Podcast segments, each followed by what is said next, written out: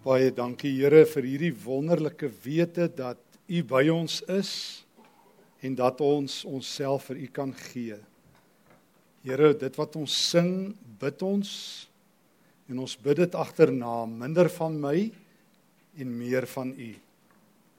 Dankie dat U hoor as ons dit sê en verhoor. Dankie Here dat U ook die antwoord is op ons gebede. Dankie Here dat U nou in hierdie oomblikke ook die gasheer en die eregas is. Breek U brood van die lewende woord en gee dat die woord ook oor U sal gaan. Laat U naam verheerlik word. Laat U naam geheilig word. Laat U naam hoog opgetel word. Ook in hierdie oomblikke. Ons bid dit in die naam van Christus. Amen. Dit was in die jaar 320 in die Romeinse stad Sevaste dat daar 'n verskriklike drama afgespeel het. Die Romeinse ryk was teen die begin van die 4de eeu baie verdeeld. Trouwens, daar was 'n oostelike en 'n westelike deel van die ryk. En uiteindelik het om die vrede in die Romeinse ryk so ver moontlik te bewaar, was daar twee keisers. Die uh, weste is geregeer deur Konstantin en die ooste deur Licinius. En so 'n paar jaar voor dit um, het die vrede, die edik van Milaan Christene vryheid gegee. Vir die eerste keer in die geskiedenis het die vervolging van Christene tot 'n einde gekom in die westelike deel baie sterk. Maar in die oostelike deel van die Romeinse ryk het Licinius wat daar vanaf ehm Konstantinopel um, regeer het, het hy eenvoudig nog aangehou dat mense die Romeinse gode moet eer. En dit was die gebruik ook in die jaar 320 in die stad Sevaste waar een van die groot legioene van die Romeine gestasioneer eh, gestasioneer was, die um, Weerlig legioen, baie beroemde legioen. En toe daar 'n 'n 'n opdrag kom van die um, goewerneur Agricola dat die um, dat almal van die Romeinse gode moet aanbid het 40 van die legioene geweier, 40 van die soldate. Die storie is terloops baie goed beskryf in die vroeë kerk deur die twee groot kerkvaders Basilius en Gregorius wat uh, vanaf 330 en 335 geleef het. En op die dag dat die Christene, ag dat al die legioene ook die van die Romeinse gode moes vereer, het 40 geweier dit het die goewerneur baie kwaad gemaak. Hulle is gegeesel, maar dit het nie gehelp nie. Hulle het geweier om hulle geloof in Christus af te sweer. Toe die hoof van die 12de Romeinse legioen wat oor die hele huidige Turkye soos ons dit ken, die bevelvoerder was daar aankom met hierdie slegte nuus, was dit nie vir hom 'n goeie dag nie. En het hy besluit om eens en vir altyd van hierdie 40 Romeinse soldate 'n voorbeeld te maak. En was hy besluit dat dit was in die middel van die winter, die Europese winter, die meer by Sevaste was kliphard gevries. En het hy besluit om die volgende te doen. In die nag het hy opdrag gegee dat al 40 hierdie soldate kaal uitgetrek moet word en dat hulle op die bevrore meer moet gaan staan. Rondom hulle het hy Romeinse legioene geplaas sodat hulle nie kan vlug nie. En op 'n paar plekke entjie van die meer af het hy vuur gemaak en water verhit en vir die Christene, die Christen soldate gesê: "As julle Christus afsweer, kan julle in die water gaan klim en julle lewens red." En soos die nag gevorder het en die koue ehm um, hulle letterlik laat verkleim het, het uiteindelik een van die eh, Romeinse Christen soldate handdoek ingegooi. En het hy gesê hy sweer Christus af en het hy pad gegee van die meer af. Toe gebeur daar 'n baie snaakse ding een van die Romeinse soldate wat hulle opgepas het, wat daar gestaan het om seker te maak die Christene kan nie vlug nie, het die volgende oomblik sy klere uitgetrek en uitgeroep: "Ek is 'n volgeling, ek van nou af van vanaand af dien ek die Here." En het hy sy laaste paar ure op aarde as 'n Christen deurgebring. Toe die son opkom, was almal verkleim en dood almal behalwe een jong uh, Romeinse soldaat, Christen soldaat, by wie daar nog tekens van lewe was. Die offisier aan diens wat die opdrag gekry het om al 40 se liggame te verbrand, die as in die rivier te gooi en die beendere ook in die rivier te gooi, het gesien die Romeinse soldaat se ma staan daar. Hy het gesien hoe hierdie vrou huil en bid. Hy het vag sê jy kan jou kind se liggaam skelmpies wegvat. Ek sal nie kyk nie. Dalk kan jy hom aan die lewe kry. En sy het hom in die oë gekyk en gesê: "My kind het gekies om in lewe en in sterwe Christus te volg. Ek sal hom nie eenkant toe wegneem nie. Dit sal wees soos om hom uit die arms van Christus te ruk. En hy's ook daar verbrand en saam met die ander dood. O die vroeë kerk en veral in die oosterse deel van die kerk word hierdie verhaal tot vandag toe in herinnering gebring. Die verhaal van Sevaste van die 40 martelare. Wat het gemaak dat van die dapperste soldate in die Romeinse ryk vreesloos 'n hoër lojaliteit gehad het as aan hulle generaal. Wat is die geheim van die vroeë kerk? Wat het gemaak dat die vroeë kerk ontplof het? Die wêreldberoemde sosioloog, het verlede week ook daarna verwys by die ander kampus by die in die preek, wêreldberoemde sosioloog Rodney Stark het 'n boek, klomp boeke geskryf oor die groei van die Christendom waarvan sy 1997 boek uh, The Rise of Christianity die mees aangrypende is waar hy as 'n wetenskaplike die vraag vra wat het gemaak dat 'n onbenullige klein bewegingkie wat minder as 0,1% van die wêreldbevolking in die jaar 40 is minder as 1% minder as selfs 0,1% wat het gemaak dat die Christene teen die jaar 350 56% van die wêreldbevolking was As jy iets van statistiek weet of verstaan, sal jy weet dit is ondenkbare statistiek van die wêreldbevolking. Nog nooit vanaf die wêreld begin het totdat die wêreld sal klaarmaak, was daar 'n beweging wat so gegroei het soos die vroeë kerk nie. Nog nooit. Dit beteken om hierdie groei vol te hou dat die Christendom met 40% elke dekade gegroei het vanaf die jaar 40 tot die jaar 350. Die wreedste vervolging Die grootste verguising wat ooit in die wêreld teen Christene gepleeg is, is in die eerste 300 jaar gepleeg. Regstellende aksie het gemaak dat jy nie werk kon kry in die Romeinse ryk as Christus jou Here is nie. Jou families het jou afgeskryf. Jy het honger en sonder kos rondgeswerf in in grafte, katakombes, dikwels kerk gehou. En die kerk was so lewend soos kan kom. Wat is die geheim? Ek dink twee dinge in die Nuwe Testament. 'n Belydenis en 'n belewenis. 'n Belydenis. Ek wil jou uitnooi vir 'n oomblik saam met my by ons eerste teks se draai te maak Handelinge 17. Die apostel Paulus het dit verstaan. Die hartklop van die Christendom is 'n belydenis. En En ons lees hiervan terwyl hy op sy sogenaamde tweede sendingreis is, as Paulus in die stad Tessalonika, die Macedoniese stad was deel van die Macedoniese provinsie, nadat hy pas in die vorige Macedoniese stad Filippi uitmekaar geslaan is. Jy kan in Handelinge 16 lees hoe Paulus se liggaam soos 'n padkaart gelyk het vir die evangelie wat hy glo. Hy is in pulp ingeslaan en sy eie bloed gelê. En hy het sy liggaam bymekaar gekry en aanbeweeg stikkend, vol verbande waarskynlik ehm um, het in Tessalonika aangekom. En net 3 weke gehad voor hy dieselfde lot om amper weer te beurt geval het. Net 3 weke. Wat preek jy as jy 3 weke in 'n stad is? Kom ons lees. Handelinge 17:1. Paulus lê deur Amfipolis en Apollonie na na Tessalonika gereis waar 'n Joodse sinagoge was. Soos dit Paulus se gewoonte was, het hy daarheen gegaan en op 3 Sabbatdae na mekaar uit die skrif met die Jode geredeneer. Dit was die 3 weke in die stad. Hy het die skrif uitgelê en daardeur aangetoon dat die Christus moes ly en uit die dood moes opstaan. Hierdie Jesus wat ek aan julle verkondig, hy is die Christus. Dis die hart, die ABC en die XYZ en alles tussenin van die vroeë kerk. Hierdie Jesus, hy is die Christus. Um in die Romeinse ryk was daar 'n twee woord uitdrukking wat alle burgers eintlik moes ken. As ons in Tessalonika gebly het in die eerste eeu, sal ons almal dit geken het. Daar was twee Griekse woorde wat jy elke keer moes sê. As jy ergens by 'n tempel of by 'n plek is waar die keiser vereer word, dan sê jy Kaisar, dis die dis ook in Grieks die vergriekste vorm. Kaisar of Kaisaros, Kaisar Kyrios. Die keiser is Here.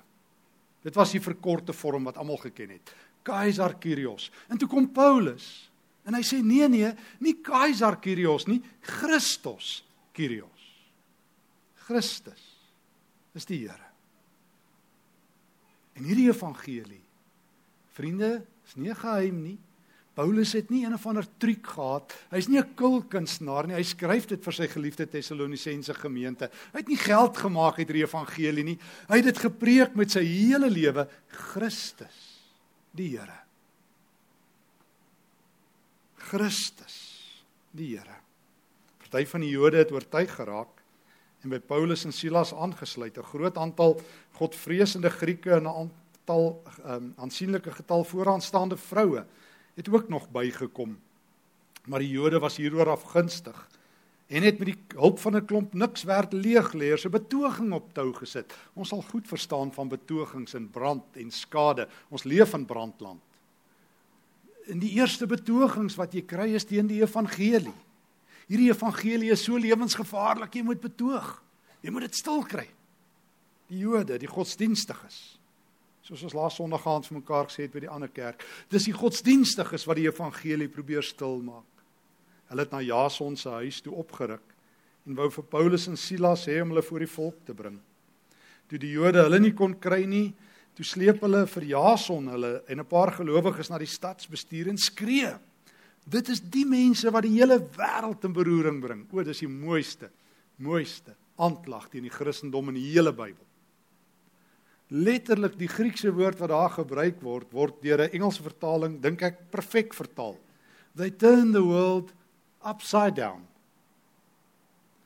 As jy in die vroeë kerk kom, is die wêreld onderste bo, dan's bo onder en onderste bo.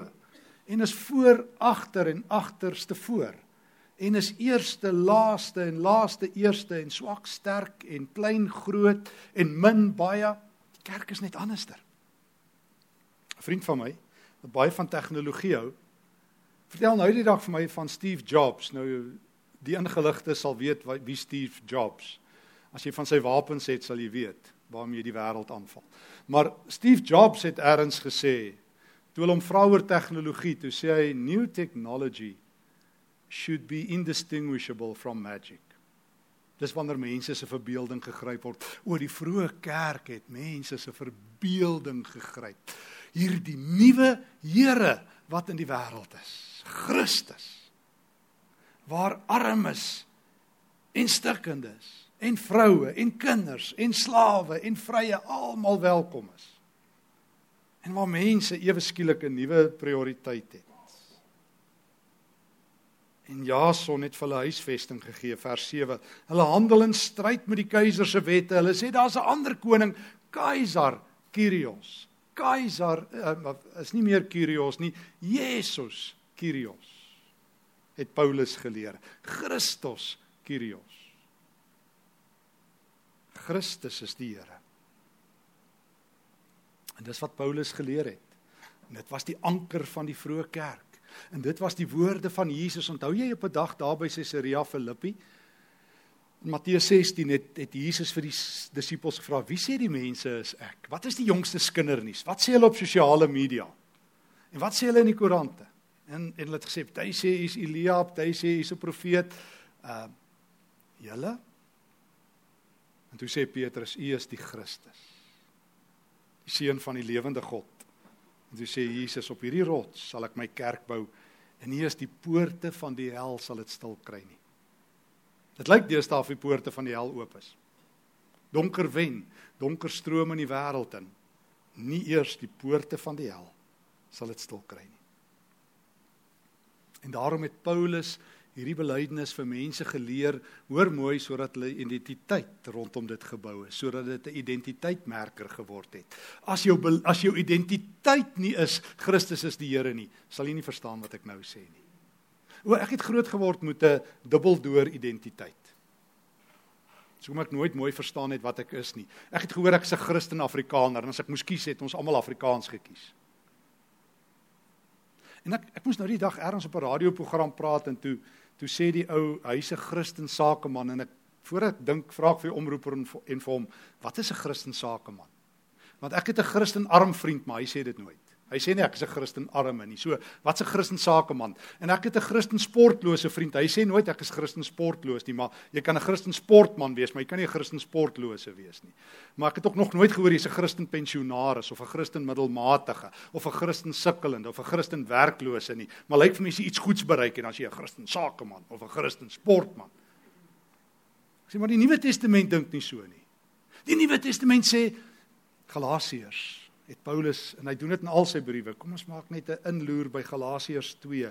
O wat leer Paulus vir mense? Hierdie Paulus wat in die, as hy in die stad inkom, is daar 'n oproer. Is die wêreld onderste bo? Hy leer hulle net een ding, Christus is die Here. En as hy dan vir hulle briewe skryf, dan leer hy vir hulle 'n Christelike identiteit. Hy sê vir die Galasiërs, Galasiërs 2 vers 20. Dis nie meer ek wat lewe nie. Christus leef in my. Die lewe wat ek nou leef, leef ek in die geloof in die seun van God wat sy liefde vir my bewys het deur sy lewe vir my af te lê. Ek is saam met Christus gekruisig, roep hy uit in vers 19. O, dit is die identiteit van 'n Christen mens. Nie dat ek 'n Christen dit of 'n Christen dat is nie. Ek is net 'n Christen. As jy dit nie verstaan nie, het jy 'n gemengde identiteit. Gaan jy altyd as jy moet kies vir die ander een kies? Gaan jou identiteit wees in wat se beroep jy het, in wat se werk jy het, in wat se posisie jy het. En gaan jy ongelukkig wees as jy nie meer jou posisie het en nie meer die erkenning het wat saam met die posisie gaan nie. Soos 'n oud generaal nou eendag vir my gesê het, nie sy vrou sal hier hom nie. Maar Paulus het sy identiteit gevind, ook as 'n gekruisigde. Daarom kon hy in die tronk sit en uitroep, ek is 'n gekruisigde. Daarom kon hy sy beste briewe, sy grootste vreugde in die tronk beleef. Want hy het geweet as Paulus in boeye is, is die evangelie nie in boeye nie. Hy het geweet hy's 'n gekruisigde. Hy het geweet hy's 'n nuwe mens, soos hy in Galasiërs 6 vers 15 skryf. Maak nie saak of jy besny is of nie. Al wat saak maak is dat jy 'n nuwe mens is. Oor die identiteit van 'n Christenmens het jy al opgegradeer na een identiteit. Wanneer hy vir Paulus gevra het wat doen hy, het hy vir jou gesê, "Nee, kom ek sê jou wie ek ek ek is." Want hy nie vir jou sy CV gegee, sy titels, al sy jongste boeke en dan het hy nie vir jou gesê, "Jong, eendag gaan ek 'n bestseller wees. Biljoene mense gaan nog my boeke lees nie, maar dan bly wees jy ken vir Paulus nie." Dan het hy gesê, "O, ek is 'n disipel van Jesus. Ek is 'n gekruisigde." Filippense 3 wat jy vanaand hiervan sal hoor. Um sê Paulus ek ag alles as skade. Ek gee my lewe om Christus as die Here te ken. Christus is my identiteit. Of ek lewe en of ek sterwe. Paulus was nie behep met die dood nie. Hy was nie bang vir die dood nie. Want hy het geweet ek is 'n Christen. Ek behoort aan Christus. Christus is my lewe. Daarom het die ouens in 320, die 40 toe hulle moes kies. Was dit nie moeilik nie. Christus is my lewe. O ek onthou vir Polycarpus van Smyrna, die ou vroeë kerkvader, wat net so 'n paar jaar van tevore, waar hulle hom op 86 jarige ouderdom op 'n brandstapel sit en dan sê die goewerneur, "Ons kan jou spaar as jy Jesus verloon." Dan sê hy, "Wat? Vir 86 jaar het ek gesê hy is die Here. Hoekom sal ek nie as ek sterwe dit ook sê nie? Ek is bereid om nie net te lewe nie, maar te sterwe, soos Paulus in Romeine 14 uitroep. Christus die Here nie eens die poorte van die hel, nie eens die goewerneur en die magtige aanvoerder van die 12de Romeinse legioen, nie eens die vrees van Suid-Afrika, al die magte van die donkerte kan die belydenis stil maak. En dan skrik ons vir 'n paar ouetjies wat brandstig in die land en sê waar gaan alles heen en is klaar met ons? Petrus. Gelukkig is jy. Dis nie vlees en bloed wat dit aan jou openbaar het nie, maar my Vader in die hemel Gelukkig is jy op hierdie belydenis sal ek my kerk bou van alle eeue. En eers die hel sal dit stil maak nie. Daar's 'n tweede ding wat die vroeë kerk gedoen het, hulle het 'n belydenis, maar ook 'n belewenis. Matteus 22. Hulle het van liefde iets verstaan. Matteus 22 kort voordat Jesus vermoor word in Jerusalem op die Dinsdag, as die uh, Dinsdag aanbreek kort voor die donker Vrydag, dan sit 'n godsdienstige leier met Jesus in stry of hy probeer in 'n strydgesprek met hom kom en hy sê vir hom: "Here, wat is die grootste gebod? Jy vertel nou jy kom van God af. Wat is die een ding as jy God in in 'n een lyn kan saamvat. Wat is die een ding wat God sê? Wat is sy grootste gebod? En dan doen Jesus die regte ding. Hy haal die skrif aan. Hy sê in vers 37 van Matteus 22: "O, dis maklik. Jy moet die Here jou God lief hê met jou hele hart, en jou hele siel en met jou hele verstand." Deuteronomium 6 se woorde. Maar wag, wag sê hy, wag. As 'n tweede wat hiermee gelyk staan. Jy moet jou naaste lief hê soos jouself. En hierdie twee gebooie is die wet en die profete saamgevat. Weet jy? Weet jy dat naaste liefde nou die eerste keer op die voorgrond is? Onthou jy Jesus se woorde in Johannes 13 vers 34? 'n Nuwe gebod gee ek julle. Het jy dit al gehoor? Wat is dit? Julle moet mekaar lief hê. Dit was vir my die van die grootste enkele skokke van my hele lewe. Ek het 'n aand nie geslaap toe dit my getref het nie. Toe ek agterkom, die Ou Testament skryf niks oor naaste liefde nie. Wel laat ek dit reg sê, daar's net een gebod, daar's net een keer in die Ou Testament 'n bevel. Jy moet jou naaste lief hê soos jouself. 39 boeke, net een bevel. Mense is so lief vir die Ou Testament en die 10 gebooie en hulle kom nie agter daar's 'n leemte in die Ou Testament hoekom ons 'n Nuwe Testament nodig het. Die Ou Testament het een groot leemte. Die 10 gebooie het een groot leemte en dan wil almal die 10 gebooie aanbid. Jesus is die Here. Jy moet Jesus gebruik om die 10 gebooie te lees, nie andersom nie. Dis 'n ander gesprek. Maar Jesus kom om die een groot ding reg te stel. Miskien is Moses te vinnig van die berg af en dalk was hy so kwaad dat hy vergeet het om dit mooi in te kap daar in die klippe. En selfs in Levitikus 19 vers 18 waar dit staan jy moet jou naaste lief hê, bedoel dit volksgenote, mense soos jy. En dis mos nou moeilik. Het jy al agtergekom hoe moeilik dit is om mense wat, wat so oulik soos jy is lief te hê? Dis maklik. Behalwe as hulle ouliker as jy raak, dan dan kompeteer jy hulle wie is die oulikste. Maar is redelik maklik om van ouens te hou wat soos jy is. Dis wanneer jy mense het wat anderster glo, anderster lyk, anderster ryk, anderster dink, anderster voel, anderster optree, wanneer jy jou vyande moet lief hê. Dis iets anders. Maar Jesus het gekom om te sê weet julle waaraan sal die wêreld julle ken Johannes 13 aan liefde. Nie aan julle goeie belydenisse, julle groot kerke, julle indrukwekkende preke, julle goeie aanbiddingsmusiek, julle goeie dogmas nie. Weet julle waaraan sal die wêreld julle ken? As julle mekaar liefhet. As julle mekaar liefhet. Oek, dit gryp my in die hart. Onthou jy Onthou jy as Michelangelo sy groot kunswerk lewer, sy grootste seker, die Sistynse kapel. En hy skets hoe God en mens bymekaar uitkom. Wat is die beste wat hy kan doen? Die twee vingers, onthou jy, die twee hande. Maar weet jy, as Michelangelo as hy net 'n goeie dominee gehad het of 'n goeie skrifkenner gehad het wat hom gesê het, nee, Michelangelo, daar's 'n nader beeld. Daar's meer. God doen meer. Dis nie net sy vinger wat raak nie. Jesus vertel wie is hierdie God wat ons liefhet in Johannes 15. Ekskuus in Lukas 15. Hy vertel die storie van die pa met die twee horribale seuns, die verlore seun en die godsdienstige ouer seun. Albei is brats.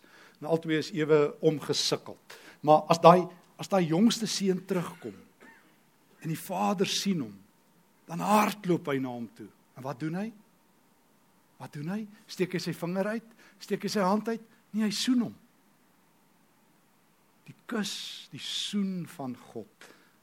Dis die God wie jy liefhet, die God wat wat die slegte mense, die verlore mense, die vlugtelinge, die verlore seuns wat hulle ouers dood verklaar, God soen mense terug. Al wat ons kan doen is saam met Judas Jesus met 'n soen te verraai. God soen ons terug. Dis hierdie God wat die vroeë kerk beleef het. O, ons het God lief. Ja, dis maklik om dis alle godsdienstiges dien God. Die groot rede hoekom godsdiens God dien is is sodat hulle straf kan vermy. Hulle dis brand dis brandversekering. Jy jy kom kerk toe, baie ons al vir my gesê, jy dien God, dis dis brandversekering. Weet, ons ons beskerm net onsself dat God nie kwaad is vir ons nie. Of jy wil iets van hom hê. Hy moet nou my kind genees of eksamen beter maak of die land regryk of iets, maar dis brandversekering en dis 'n dis 'n lewenspolis. Hy moet jou nou net bietjie help. Maar weet jy, dis ander gesprek wanneer die taal van liefde op die tafel kom. Jy hoe skaars is dit in die kerk? Ons sal so nou en dan nog in 'n lied bely ek het God lief. Wanneer laas het jy gesê ek het die Here lief? Ek het ander mense lief. Onthou 'n ruk terug, 'n paar jaar terug sit ek by 'n gemeente saam met 'n kerkraad waar die dominee heeltemal uitgebrand is en die hele gemeente is in stukke. En ek sit die aand met die kerkraad en praat en hulle het net planne, strukturele planne hoe die kerk reggeruk moet word en as ons dit doen en 'n goeie prediker kry en beter musiek kry, dan sal die banke weer vol wees en al daai ou goeters. En ek vra vir hulle een vraag, het julle julle dominee lief? En ek onthou die paar mans, kyk as jy mos nou vir man so iets vra dan. Nee, hy's 'n nice ou, hy's 'n oulike ou. Nee, ek sê nee nee, het jy hom lief? Niemand kon dit sê nie. Hoe maar die vroeë kerk kom. En hulle liefde het 'n ander tekstuur gehad. Dit was nie maar net dit was nie maar net die liefde, die woord phileo wat in die algemeen was nie. Dit was agape. Dit is daai liefde waar jy jouself gee. En dis ons laaste teks, 1 Johannes 3. 1 Johannes 3 liefde vir God en liefde vir mekaar. Die vroeë kerk was lewende briewe. As jy die Bybel wou lees, het jy nie 'n boek gehad nie, maar daar was nog nie 'n boek nie. Paulus het vir die gemeente gesê, "Julle is die lewende briewe van Christus." As mense God wil sien, laat hulle julle lees. Skryf in in 2 Korintiërs hoofstuk 3. En dis die groot apostel Johannes, die langslewende van al die apostels wat sy liefdesbrief skryf aan die kerk. Nou almal van ons dink ek ken 1 Johannes 3, nie ag Johannes 3 vers 16. Ek dink julle almal ken Johannes 3, né? So lief het God die wêreld gehad. Nou hier's vir jou 'n lekker leidraad 1 Johannes 3 vers 16. So as iemand nou ooit weer vir jou vra en en dis mos nou ouens deesdae se standaard beskuldiging, maar as God liefde is, waar is hy? Dan sê o nee, ek het nog 'n teks, 1 Johannes 3 vers 16. Sal jy onthou 1 Johannes 3 vers 16? Kom ons lees. Johannes is besig om oor liefde te skryf en hy sê liefde is God se nuwe gebod. Hy sê in 1 Johannes 4 as jy God liefhet sal jy hom sy gebooie gehoorsaam en wat is sy gebod? Jy moet hom lief hê, so dis 'n sirkel. As jy God liefhet, gehoorsaam jy sy gebooie en sy gebod is om lief te hê hoe meer jy liefhet, hoe meer gehoorsaam jy God. Johannes skryf 'n geweldige woord, 1 Johannes 3:11. Dit is die gebod wat jy van die begin af gehoor het. Ons moet mekaar lief hê. Moenie soos Kain wees nie, hy het aan die bose behoort en sy broer vermoor. Vers 13 nie verbaas wees as die wêreld julle haat nie. Weet julle hoekom haat die wêreld die vroeë kerk? Omdat hulle liefhet. Weet julle hoekom haat meeste mense vandag die kerk? Omdat die kerk so ruggraatloos en integriteitloos is. Die vroeë kerk is gehaat omdat hulle liefhet. Ons word gehaat omdat ons so useless is. Um Ons weet dat ons klaar uit die dood na die lewe oorgegaan het, want ons het ons broers lief. Dis nie hipoteties nie. Hulle doen dit.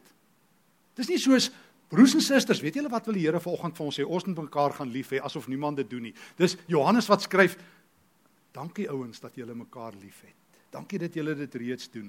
Elkeen wie nie liefhet nie, bly in die dood. Hierdie teks maak my doodbang.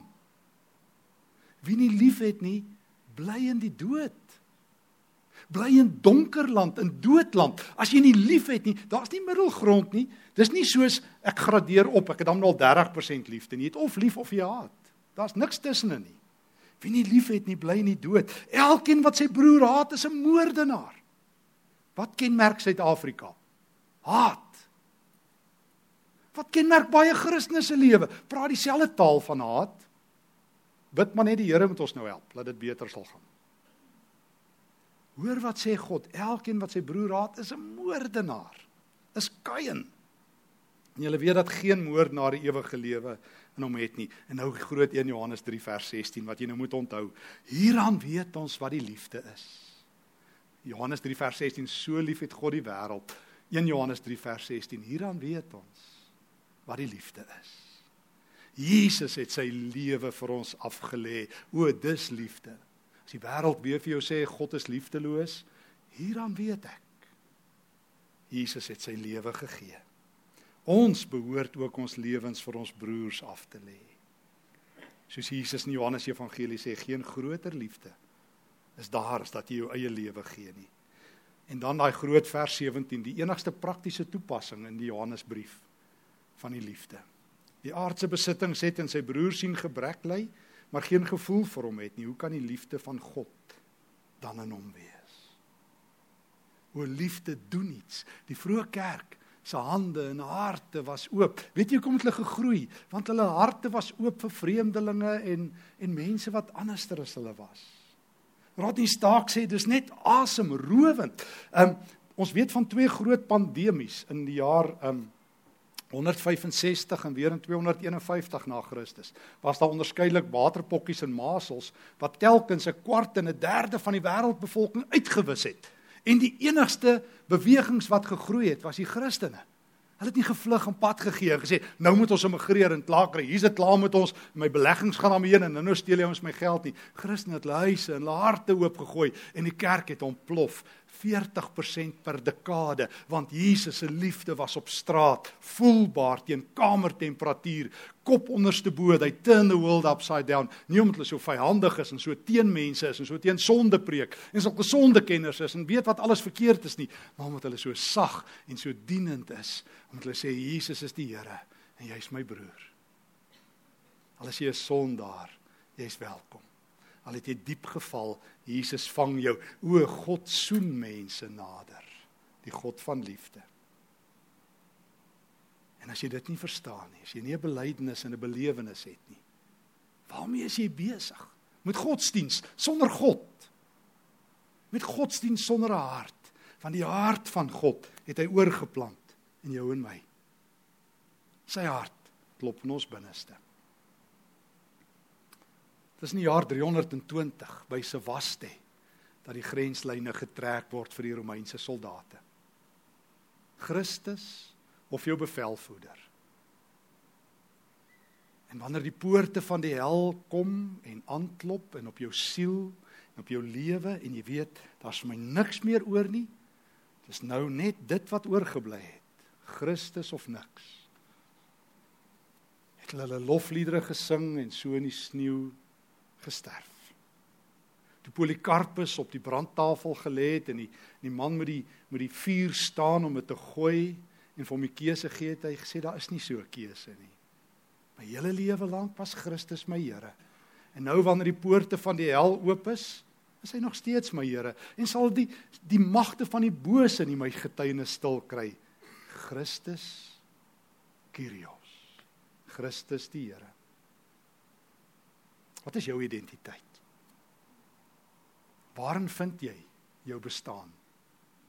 Kan jy saam met Paulus uitroep in Filippense 1, vir my is om te lewe Christus? Dan sal jou geloof lewend wees op enige plek op die aarde, of jy hier is of daar of deur. Wanneer jou belydenis 'n belewenis is dat God jou liefhet, dat hy jou teruggesoen het en dat jy deel van daai liefdeskus kan deel.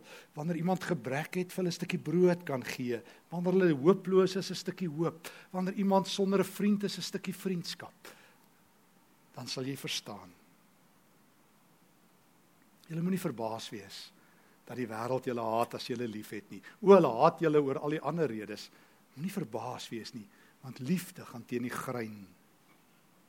Sal dit nie wonderlik wees as die beskuldiging teen ons almal val? Hulle draai die wêreld kop onderste bo. Want klein is daar groot en verlore is daar gevind. En stikkend word daar heel.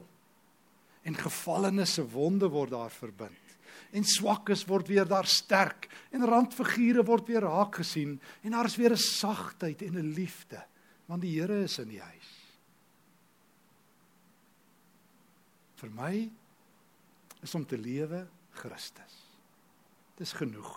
Vir my is om God lief te hê en elke dag te oefen om ander lief te hê. Hoor die Here se woord. Amen. As 'n paar oomblikke van stil gebed.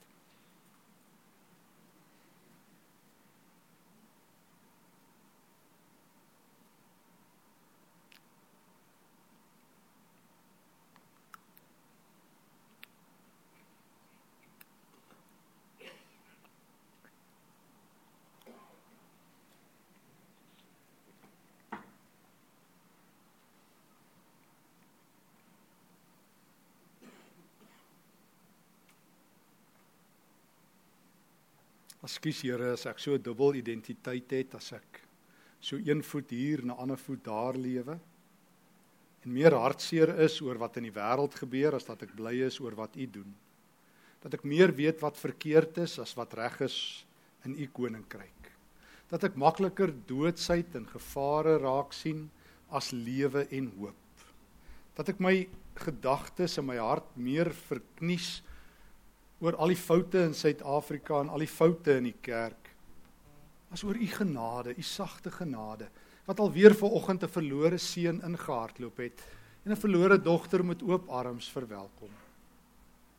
Ek is jammer, Here, dat my hart soms gesluit is vir 'n broer en 'n suster wat 'n handdruk nodig het, 'n gebed, 'n paar sente, 'n stukkie omgee. Here God, gee dat my belydenis net eenvoudig sal wees. Christus is die Here, Christus Kyrios.